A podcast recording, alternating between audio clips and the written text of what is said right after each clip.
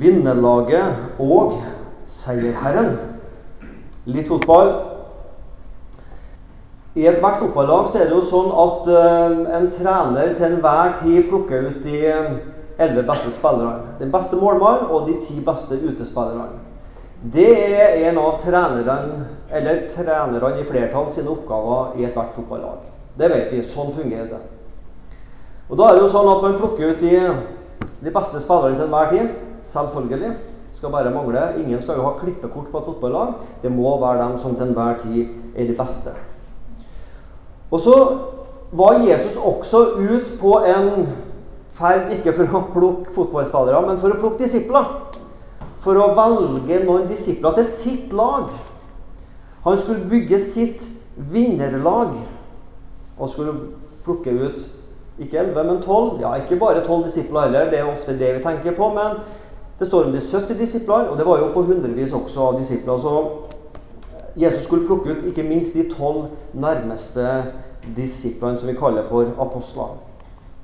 Og Vi skal lese en um, fortelling fra Det er flere fortellinger her om når Jesus plukker ut disipler. Vi skal lese den fra Matteus 4, vers 18-22. Da han, altså Jesus, vandret langs Galileasjøen, fikk han se to brødre, Simon, som kalles Peter, og hans bror Andreas. De var i ferd med å kaste not i sjøen, for de var fiskere. Jesus sier til dem, 'Følg meg, så vil jeg gjøre dere til menneskefiskere.' Og de forlot da straks sine garn, og de fulgte ham. På veien videre derfra fikk han se to andre brødre, Jakob, sønn av Sebedeus, og hans bror Johannes. De satt i båten sammen med sin far Sebedeus i ferd med å bøte garn, og han kalte dem. Og de forlot straks båten og sin far, og de fulgte ham. De fulgte altså Jesus. Her plukker Jesus fire stykker av de tolv til sitt vinnerlag. Det fins en del lag, fotballag. Her er ett av dem. Husker du dem? Tufte IL. Ja, flere husker dem. En av de mest markante på Tufte IL han har vet jeg, gått her på Drottningborg og har hatt mye med Drottningborg å gjøre opp gjennom åra. Han er ikke på bildet her, men her er et av disse Tufte-lagene som eh, Erik Thorsvedt trener. Denne legendariske keeperen som spilte på Viking og på Hotten Tottenham. Han eh, trena Tufte IL. Den er like morsom hver gang jeg sier den, så den passer på alt jeg har sagt. Um, det som var med Tufte IL, det var at det var en del det vi kaller nerder. De var utrolig flinke på data, på dataspill, på samling autografer. Jeg vet ikke hva de var flinke på, men de var iallfall ikke flinke på fotball. Det kan ikke jeg heller skryte av at jeg er, men jeg ville nok ha tatt en del av dem. De kasta ballen opp i været, og skulle lære seg å heade. Du kunne nesten kaste eh, kron eller mynt på om ballen traff hodet når den kom ned igjen. Det, det var altså helt talentløs. Eh, og så får de til Erik Thorstvedt som trener og skal bli ikke akkurat flinke fotballspillere, så skal de i hvert fall bli et lag og kjenne lagfølelsen. Å kalle dem et vinnerlag er nok å dra strikken veldig langt, men de spilte mot uh, Vålerenga, som definitivt ikke er et vinnerlag. Uh, uh, men de tapte, naturlig nok. Det skjer jo til meg også. Uh, men de fikk ett mål, eller kanskje Vålerenga lot dem få et mål. og du vet, de jubla som om de hadde vunnet VM det var Tufte igjen. Ha med dem litt i bakgrunnen her nå, for det, det, er en grunn til at jeg tar dem fram. selvfølgelig. Så skal vi reise 2000 år tilbake i tid, før det var et Tufte igjen. Og så, Ikke bare 2000 år, men, men når eh, jødiske rabbier skulle velge sine disipler For jeg vet ikke hva det største du kan bli i dag jeg er av yrke og utdanning. Jeg skal ikke begynne å rangere det, det er bare dumt. Men jeg tror i alle fall at på den tid på Jesu tid noe av det største en jødisk gutt kan bli, det er å, å få bli en disippel av en rabbi. Tenk det! Det måtte være svært. Og det var svært. Så de jødiske guttene, for mange av dem, meldte seg da på en sånn rabbiskole eller et eller annet slag der, og gikk i lære hos en skriftlærd, en rabbi. Og det var ikke noen enkle saker. altså. De kunne i alle fall I alle fall de fem Mosebøkene utenat. Du kan du tenke med deg sjøl med meg hvor mange år jeg har vært kristen, hvor mange bibelvers kan jeg egentlig utenat? De kunne i alle fall de fem Mosebøkene utenat, og sikkert mer. Gjør en lang historie kort. De gikk i skole, de fulgte rabbien, så hvordan han preika, hvordan han levde, var disipler av han. Så kommer den store eksamensdagen. I alle fall så kommer dagen da rabbien skal på en måte velge ut hvem han skal ha med seg videre. Han kan ikke ha med seg hele bunchen av disse guttene. Han må velge ut noen. Og Så tar han dem inn til samtale hver enkelt, og så må han si til noen du er, dyktig, du er en dyktig gutt. Du er flink, du kan mye. Du har gode egenskaper. Men dessverre, du kan ikke være med på mitt lag. Jeg har ikke plass. For det er noen som er flinkere. Så du må reise hjem. Reise hjem til farsbedrifter. Fisker, snekker, bonde, hva vet jeg. Men dessverre, det er ikke plass på laget til denne rabbien.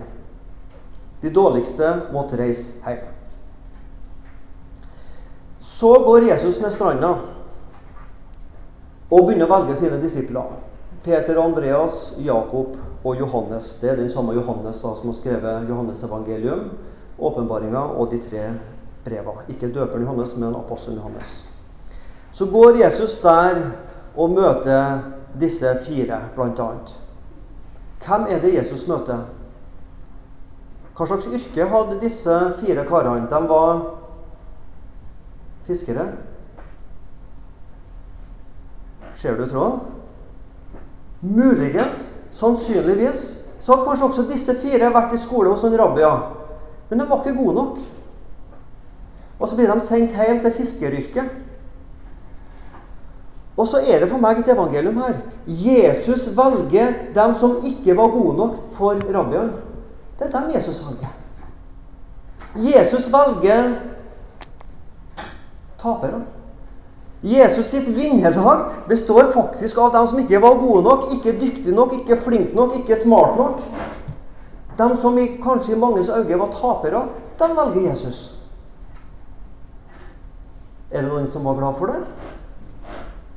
Syns det er noe flott der. Dere har ikke utvalgt meg, sa Jesus, men jeg har valgt utvalgt dere. Det sies at når man skal prøve å finne gull har jeg heller aldri prøvd. Men det er klart, du kan ikke bare gå inn i et fjell eller inn i ei elv og så ta handa di ned, og så har du ett gram gull i handa. Muligens for hvert gram gull du skal vaske ut, så må du fjerne 100 kg av gjørme, av stein, av lort for å finne det lille grammet med gull. Det er bare det at den som leter etter gull, han er ikke opptatt av gjørma og alt det ekstraopplegget. Han har øye for gull. Sånn var det også Jesus når han lette etter sine disipler, sitt vinnerlag. Han så ikke slagget, gjørma, steinene, grusen. Han så gullet. Han så etter det lille, den ene, som var verdifull for ham. For Jesus var ikke disse tapere. For Jesus var de Guds skapning. Fortapte syndere som trenger å bli frelst. Det var hans brødre. Jesus så ikke disiplene som tapere. Han så mennesker, han så muligheter. Han så sine brødre. Så kan du og jeg bla i Bibelen og lese om det vi kaller troshelter. Les i Hebreerne 11 om denne lange rekka med troshelter. Abraham og Moses og Åh, du kan liste opp en lang liste. Og vi som har Nytestamentet, kan liste opp Paulus og Peter og jomfru Maria. og jeg vet ikke, Det er så mange vi kan liste opp. Men la oss nå snu litt på flisa. Hvem var det Jesus valgte? Han valgte en, Moses som, som, som, ikke var så veldig flink å snakke og stamme. Han valgte en Abraham som løy, for det gjorde Abraham noen ganger. Han valgte en Jonah som rømte fra Gud. Han valgte en Jeremia som var for ung. Han valgte en Timoteus som var for bekymra. Han valgte en Maria som var for fattig og for ung. Han valgte Paulus, som var en kristendomsforfølger. Han valgte døperen Johannes, som gikk for spesi kledd. Han valgte Noah, som drakk for mye, og han valgte Jakob og Johannes, som var altfor hissige av natur. Disse menneskene valgte Gud til å forandre verden. På mange måter tapere. Men Gud gjorde dem til vinnere. Og det er pga. sånne mennesker du og jeg er her. For de bar vitnesbyrdet om Gud og Jesus videre til oss. Tufte i et taperlag. Elendige fotballspillere. Vinnerlaget, Guds vinnerlag består av tapere som Jesus har valgt. og når Jesus har valgt det, så er ikke tapere lenger. Ser du dobbeltheten? Jeg er kristen, jeg er både synder og jeg er rettferdig for Gud. Så det første jeg vil si om Jesu vinnerlag, det er på mange måter tapere. Men det er valgt av Jesus. Det er han som valgte. Det var ikke du og jeg som meldte oss, men det var han som valgte deg. Syns jeg jeg hører et lite halleluja. Kan ikke iallfall noen av dere spleise på et litt på her, så slipper dere å stå ansvarlig for det helt alene.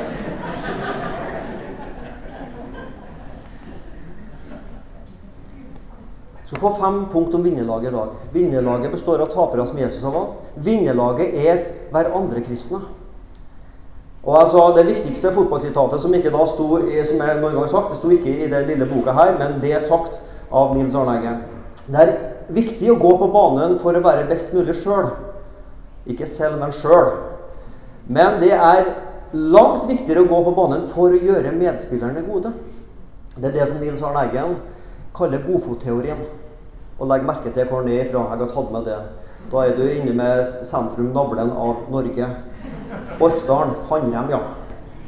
Det er mye gode folk med fra Fannrem, ja. Skal ikke skryte for mye med Dette er altså en så god filosofi.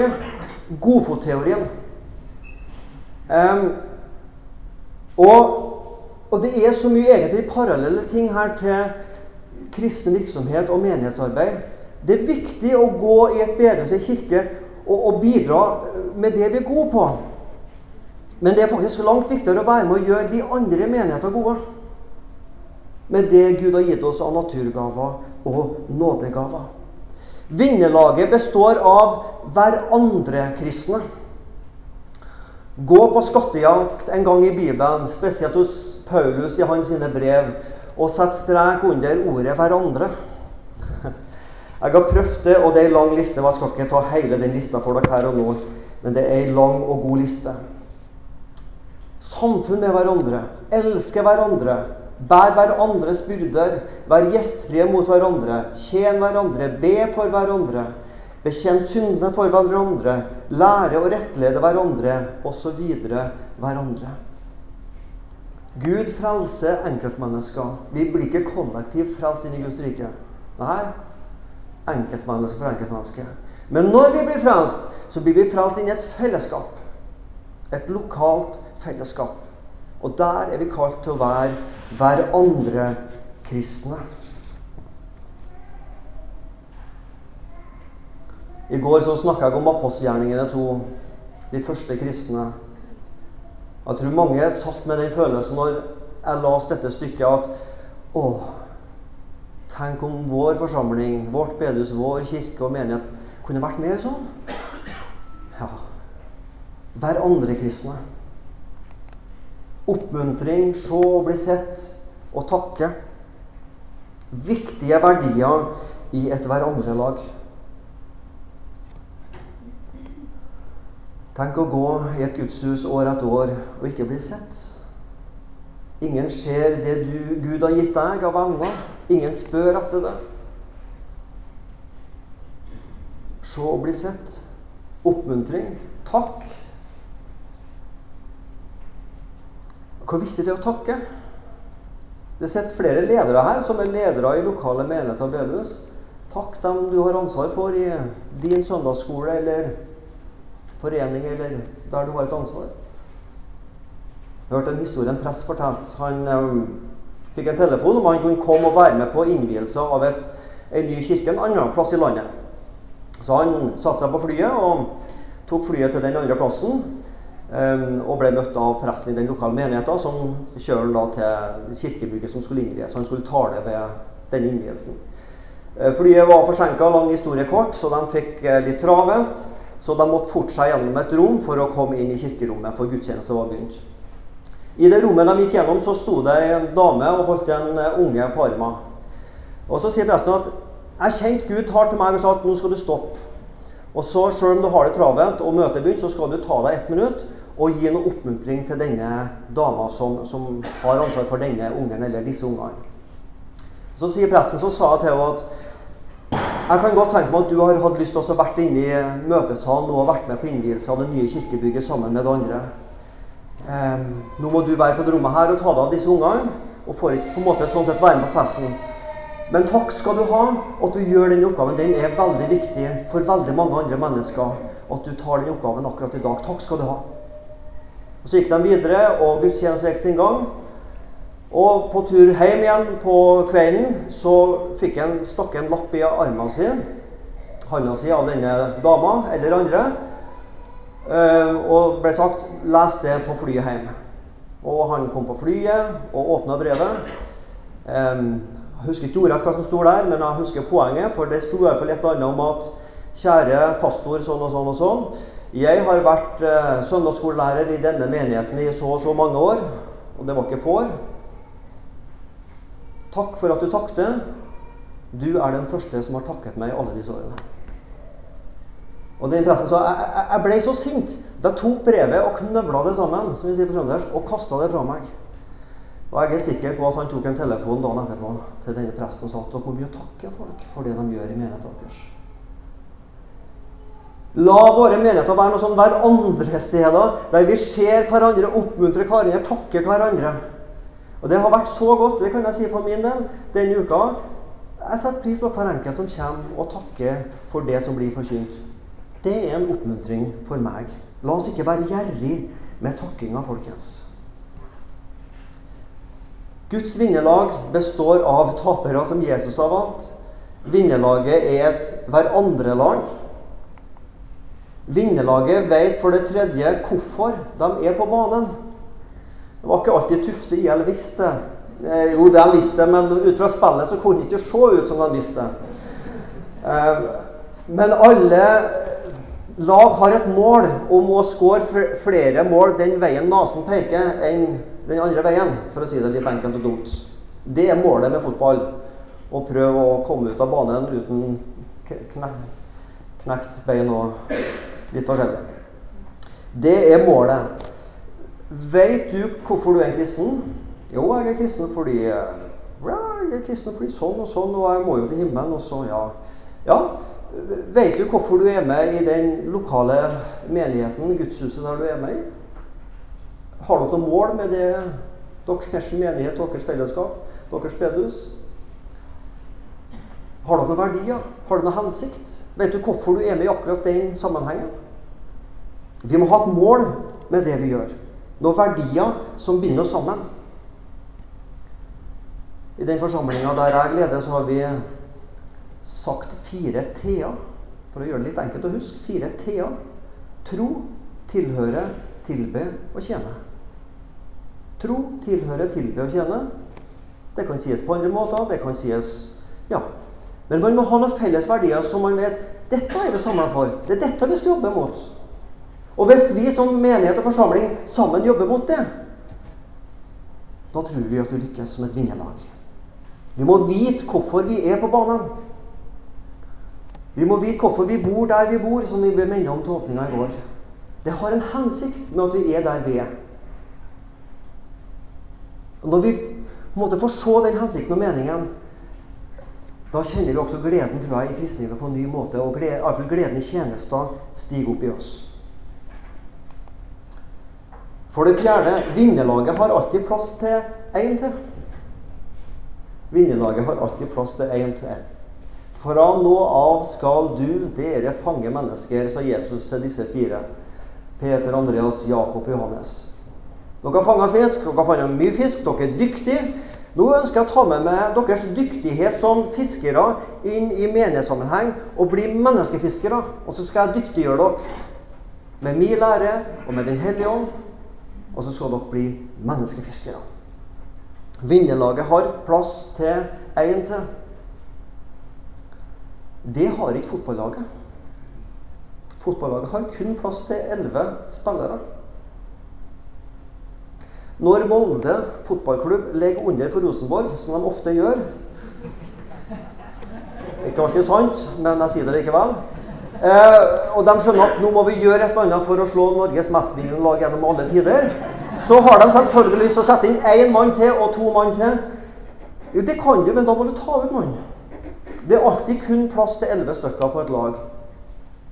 Den tankegangen må vi ikke ta med oss inn i kristen sammenheng. Det er alltid plass til én til i Guds rike. Og det må alltid være plass til én til i din og min forsamling. Vi, ja, jeg skal ikke si vi, for jeg vet ikke hvordan det er hos dere, men vi står så fort i fare for å tenke at ja, vi er en passe stor forsamling, vi har det kjekt sammen. Ja, vi er i grunnen nok. Ja, vi er ikke nok, men vi har en passe størrelse. Det betyr egentlig at vi legger ikke så veldig mye arbeid til å få nye flere. Det må alltid være plass. Det er Problemet i Norske kirker bedehus er ikke at det er for få stoler. Det er problemet at det er for mange ledige stoler. Jeg har til gode nesten å møte menigheter der det er for få stoler. Altså. Det kan igjen ha et lite lokale, altså, men, men ja, det tror jeg er problemet i Kirke-Norge og Kristen-Norge i dag. Det er så altfor god plass.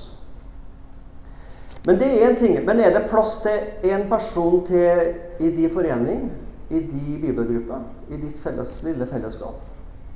Hvis det kommer et nytt menneske inn i deres menighet, er det plass i ei forening? Ja, det er det sikkert, sier du. Ja, håper det. Men vi blir jo fort veldig oss sjøl nok, altså. Er det plass til en til? Er det plass til en til min sjuende sans? Har vi plass til en til i vårt hjem? Et vinnerlag, frelste syndere, tapere, som Jesus har valgt. Hverandre-kristne. Som veit hvorfor vi er plassert der vi er. Vi har en mål og mening med det arbeidet vi driver. Og vi har plass til en til. Og det siste tingen jeg vil si om vinnerlaget, er ikke bare kanskje, men er nok det viktigste. Vinnerlaget ledes av seierherren. Ikke bare at vi har gode trenere. Norge var kjempegod under Drillo Olsen osv. Ja, men det er kun mennesker, det også, som har sin tid. Vi har seierherren som vår trener. Kolosserne 2, 13-15. Også dere, kjære kristne kolosser dere var døde, åndelig døde, ved deres overtredelser og uomskårne kjød, altså menneskenaturen. Men Gud gjorde dere levende sammen med Kristus idet han tilga oss alle våre overtredelser. Han utslettet skyldbrevet mot oss, som var skrevet til en bud, det som gikk oss imot. Det tok han bort da han naglet det til korset. Han avvæpnet makten og myndighetene og stilte dem åpenlyst til skue da han viste seg som seierherre over dem på korset. Det er den eneste plassen i Nytestamentet ordet 'seierherre' står. Da Jesus viste seg som seierherre over dem på korset. Vi har alle vært på taperlaget. Ja, egentlig vi fødes på taperlaget og må frelses inn på vinnerlaget.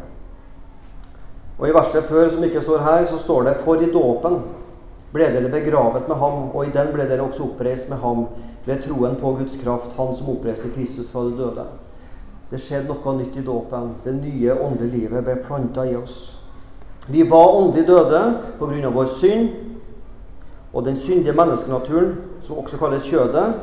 Og så kommer dette lille ordet, men som er så viktig men. Men, og så liksom snu alt til noe positivt. Men Gud gjorde dere levende sammen med Kristus det han tilga oss alle våre overtredelser. Og så står vi rundt korset, og så ser vi Jesus henge på korset.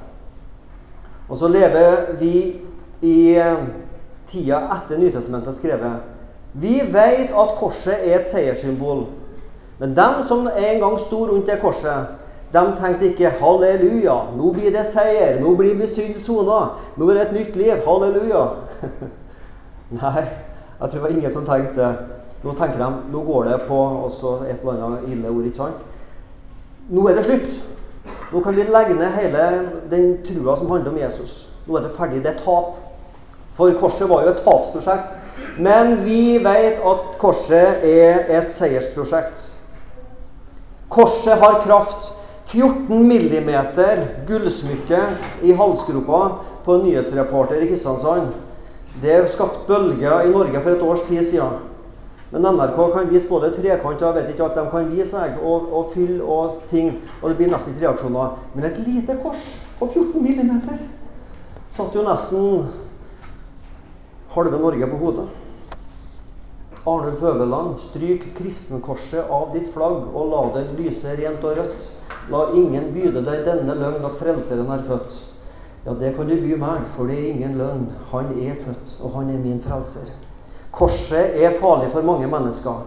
Men for oss som har møtt Jesus, så er det seierssymbolet. Ethvert fotballag har sin logo. Liverpool, Rosenborg, Start og alle har sin logo. Og kom ikke blant logoene, da blir det krig. Og kristentroa har også sin seierslogo. Dette drapsvåpenet, torturvåpenet som korset er, det er vår seierslogo. Vi har seierherren på vårt lag. Vi har Jesus Kristus som vår trener. Og Nå har du vært på treningsleir ei hel uke her på Sørlandssommer og fått Guds ord og blitt trena. Nå skal du leve ditt kristenliv i din lokale bygd og by og menighet. Og er du her som ennå ikke kjenner Jesus Kristus og har Han som din frelser, så var det kanskje i dag dagen var, der du kan si ja, Jesus. Jeg lykkes ikke med alt i livet. Jeg vet det er synd i mitt liv. Men Jesus, kom inn og ta meg inn i ditt lag, vinnerlaget, som er på vei til himmelen. Herre Jesus Kristus, vi takker deg for at du er seierherren fra korset. Vi takker deg for at når vi har møtt deg og er døpt til deg, så har vi fått det nye livet planta i oss. Herre Jesus, du får tilgi at du har så mange spillere som spiller dårlig og skårer sjølmål, gjør dumme ting i ditt navn, meg innberegna. Men takk, Jesus, at du valgte ditt lag, og du valgte også meg til å være på det laget. Amen.